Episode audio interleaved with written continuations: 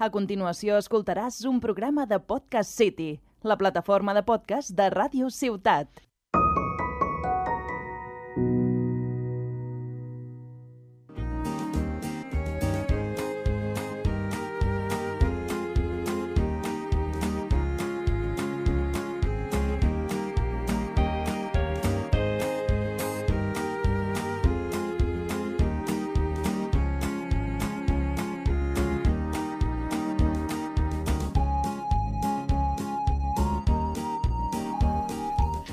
Com ja sabeu, el 15 de març ha fet un any de l'inici de les mesures de confinament, mesures que han canviat la nostra forma de viure. Avui, a petició de la nostra comunitat d'Instagram, de la que us animem a formar part, parlarem de la fatiga pandèmica i conversarem amb Eva Llàtzer sobre algunes pautes que ens poden ajudar a sobreportar les conseqüències d'aquesta fatiga pandèmica. A l'Eva, probablement ja la coneixeu, és psicòloga i presidenta de la nostra delegació. Hola Eva, benvinguda de nou. Hola, benvinguda, gràcies. Eva, volem començar compartint un article que ha publicat el COP a la seva web amb els resultats de la primera enquesta del Centre d'Investigacions Sociològiques del CIS. És la primera enquesta que fa sobre salut mental durant la pandèmia. Es parla de la por a morir, de problemes de son, de sentir-se cansat i amb poques energies. Les xifres són bastant reveladores. Eh, L'ansietat ha passat del 33 al 43% entre les persones que acudeixen a un professional de la salut i la depressió es manté en un 35%, de manera que tots dos agrupen un 79% dels trastorns mentals patits durant la pandèmia. Sembla que la salut mental es veu greument afectada per tota aquesta crisi, eh, però què us trobeu a consultar? Eva, existeix com a tal aquesta fatiga pandèmica de la que tothom parla? Doncs la veritat és que sí, a nivell generalitzat, doncs la gent es troba molt més cansada, no? amb poca energia, com s'expressen ells. També desmotivats o desmotivades, el per a què, no? És a dir, per què m'he d'arreglar? O per què fins i tot un passeig per la platja? Perquè és molt diferent anar a passejar per la platja perquè tu vols a perquè és l'únic plan que pots tenir, no? Llavors, aquesta manca de llibertat que actualment estem tenint les persones ens pesa, no? Aquest, eh, sempre doncs, anem a sopar o els caps de setmana, doncs trenquem aquella rutina, doncs clar, ara no ho podem fer. I aquell petit pla que teníem doncs, a un cap de setmana, d'aquí un mes o d'un mes i mig, ara tampoc ho podem fer. Llavors, doncs això ens pesa, no? I es veu molt, no? La gent el que manifesta és aquestes poques ganes de fer les coses, fins i tot les rutines més quotidianes que tenen, no? Llavors, sí, se li atribueix amb aquest fet de cansament, no? De la terminologia de fatiga pandèmica. Sí, jo crec que, no sé, en el meu cas particular, jo crec que el que més m'està passant és el tema de, de no poder veure. Tinc dues amigues a Barcelona, són les meves millors amigues, i no sé, deu fer ja 4 o 5 mesos que no les veig, no? És cert que està pesant ja tanta restricció, no? Sí, totalment. Per un tema aquest, no?, d'aquesta llibertat i després perquè nosaltres és molt important el relacionar-nos de forma interpersonal, no? Necessitem, doncs, a, a, el contacte directe, el contacte físic i sobretot aquesta llibertat de poder veure la persona quan jo vulgui, no? De vegades el que comentaves, no? Segur que has passat altres moments de la teva vida que has estat tres mesos sense veure aquestes amigues mm -hmm. i no passava res per què? Perquè en qualsevol moment podies decidir que les podies veure i ho podies fer. Ara no aquesta llibertat se'ns ha trencat, no? O no, no tenim aquesta disponibilitat. Doncs això ens merma, això ens pesa i hem de tenir en compte que portem un any ja, no? Per tant, el temps és molt prolongat i això ajuda, no? És un cansament acumulat, no? Llavors, ara ens surt, doncs, bueno, aquesta, aquesta resistència que tenim, aquesta, el superar l'adversitat eh, d'aquest moment que que estem vivint de pandèmia, doncs el que fa és això, no? que ja anem acumulant doncs, quasi, i, i ja els hem passat, no? els 365 dies. Sí. Jo crec que la majoria de nosaltres ens sentim identificats amb alguna de les coses que has pogut comentar, no? Notem ja aquest, gas, aquest desgast de la nostra energia. Clar, jo em plantejo davant d'això què podem fer per elevar d'alguna forma el nostre estat d'ànim. Doncs mira, jo apuntaria diverses coses, no? I m'agradaria començar per, per pensar, no? És a dir, per canviar el, el pensament que tenim al respecte. I jo proposo que pensem que això acabarà. I té data de caducitat. És cert que no sabem quan, però que acabarà segur, i això ho hem de, ho hem de pensar. Ja hi ha actualment les vacunes, també hi ha molt rebombori al respecte, no? però existeixen, ens han fet sortir d'altres pandèmies, d'altres situacions molt semblants a la que estem vivint actualment, i per tant apel·lar no? amb aquesta esperança que, que arriba, no? perquè sempre ens n'hem sortit de situacions semblants i molt difícils com a societat. No? Una altra cosa que podem fer doncs, és passar a l'acció fer coses, no? La gent, per exemple, no? Dius, és que hauria de caminar o hauria de fer exercici, però és que no en tinc ganes. Ja quan en tingui ja ho faré. Mm. És un greu error. Per què? perquè la motivació sempre ve després de l'acció. És a dir, eh, si jo he d'esperar estar motivada per fer exercici físic, probablement em costarà molt començar-lo mm, sí. o això ho postergaré moltíssim. Però, en canvi, tot i no tenir ganes, dir, vinga, va, que jo em poso el xandall o em poso les sabatilles i surto a caminar, al tornar dic, mira que bé, ho he aconseguit, ja em començo a motivar. Fixeu-vos, no? I us poso un exemple molt quotidià. Quan tenim molta il·lusió amb un sopar, amb una festa o amb, amb qualsevol altre event, quan ho preparem molt, què estem fent quan preparem les coses? Ens estem ah, passant a l'acció. Mm. Per què? Per motivar-nos, per elevar aquesta motivació. Llavors, doncs això, no? No tens ganes, doncs, de... Va, me poso qualsevol cosa. No, vesteixa't, arregla't, Posar-te ah, una rutina, no? Exacte, de... posar-te una rutina, no? Passar a l'acció. Després, una altra coseta que podem fer, no? És, eh, de vegades ens eh, estem fluixos, de vegades estem tristos, de vegades fins i tot podem tenir ganes de, de plorar, no? Doncs acceptar el moment, acceptar aquest sentiment que tenim, doncs, de certa desídia o desesperança. Per què? Perquè el, si jo l'accepto, és el primer pas perquè jo pugui passar l'acció que és el punt que havia dit amb anterioritat. No? Acceptar està lluny de resignar-se i estar lluny de conformar-se. No significa el mateix. Acceptar vol dir jo accepto l'estat en el qual estic, accepto la situació, per què? Per pensar què puc fer jo al respecte. I això és una altra de les coses que podem fer, no? És uh, què és el que depèn de nosaltres, què depèn de mi, què no depèn de mi, i en el reducte que depengui de mi passar a l'acció. I per últim, no? si em permets dir que és molt important, és el diàleg intern, és a dir, uh, com ens parlem a nosaltres, què és el que ens diem i quin tipus de pensaments tenim. No? Llavors, per elevar l'estat d'ànim, és important que aquest diàleg intern no estigui instaurat en el futur, no?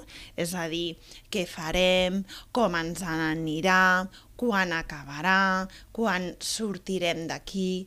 Llavors, és som conscients o sóc conscient de que estic en futur, però aquest diàleg i em centro en el present i en l'aquí i a l'ara. També, per exemple, ens ha de saltar la nostra alarma uh -huh. si ens instaurem amb la queixa, no? És que ja no puc més, és que no tinc ganes de fer res, és que ja està bé... Llavors, tenim dret a queixar-nos, sí, clar, per suposat, però hem de limitar el temps de queixa, no? Llavors, això és molt important. I prestar atenció no? amb aquest pensament, amb aquest diàleg. I després també, sobretot, un altre element, i és el tercer element del diàleg intern, és si ens parlem amb amabilitat jo sempre ho dic no? als meus pacients i a les persones que venen a la consulta.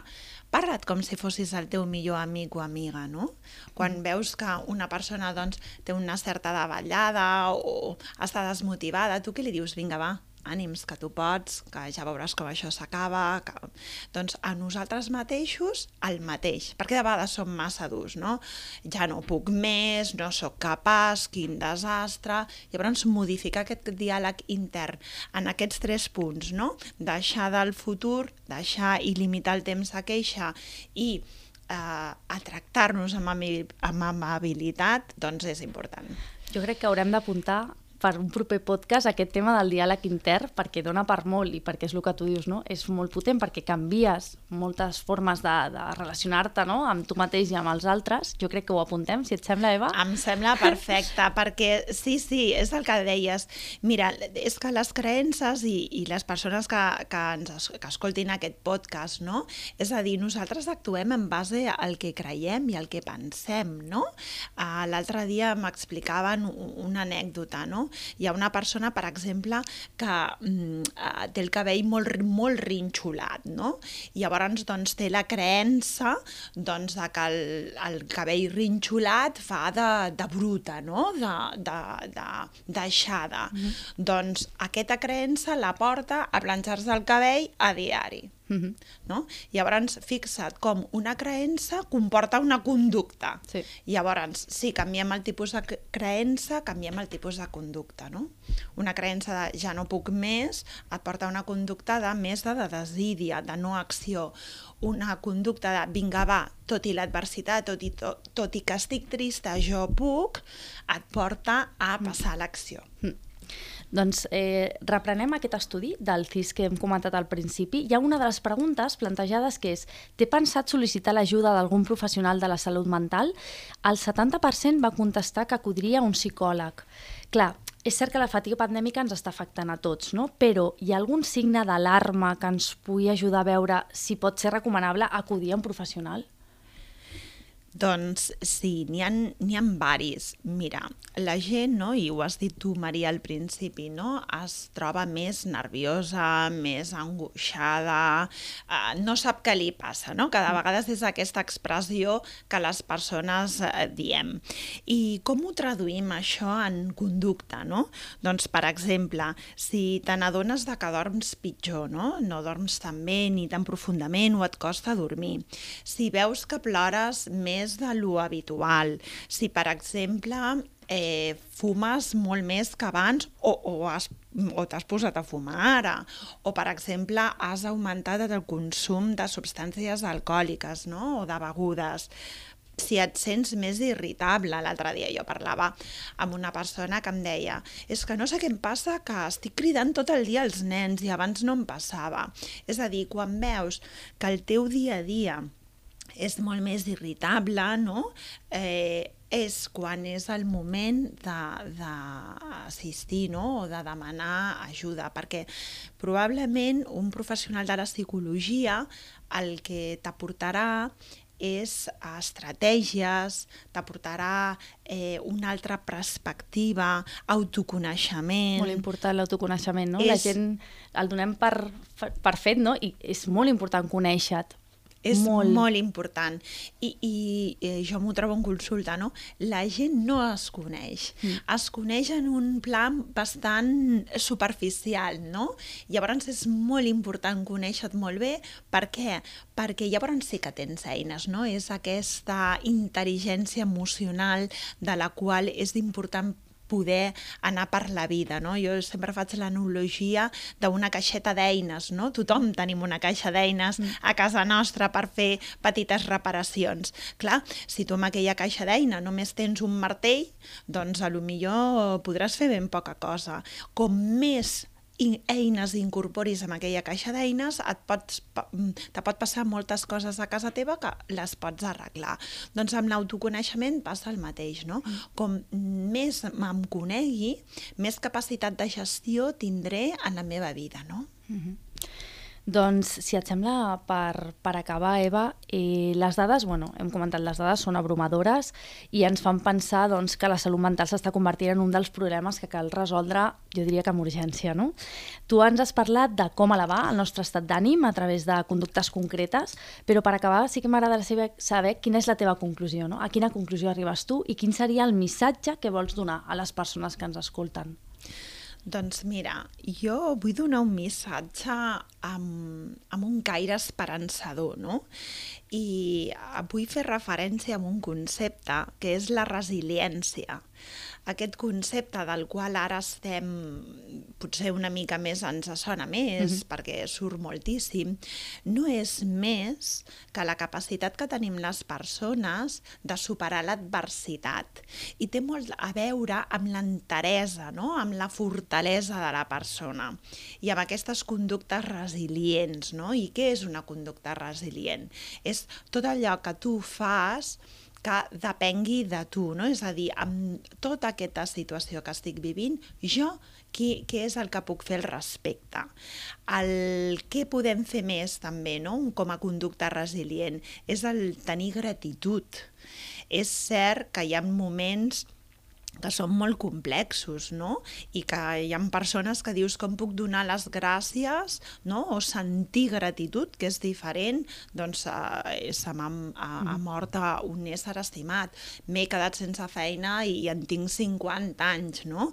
Doncs sempre hi ha alguna cosa a la vida per la qual tu pots estar agraït, mm. no?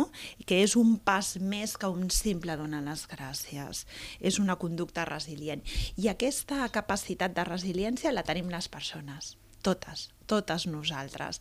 És un tema de desenvolupar, desenvolupar, aprendre, i això precisament és una de les coses que els psicòlegs i les psicòlogues doncs, fem molt en consulta no? amb, amb les, les persones que venen, no? a desenvolupar aquesta capacitat de fer front a l'adversitat per sortir-ne millorat, Reforçat. amb un aprenentatge. Mm. Exacte. Doncs gràcies, Eva, per haver compartit amb nosaltres aquesta estona. Moltes gràcies a vosaltres. I gràcies a tu per escoltar-nos. T'espero al proper episodi de La Finestra de la Psicologia, el podcast de la Delegació Territorial de Tarragona del Col·legi Oficial de Psicologia de Catalunya.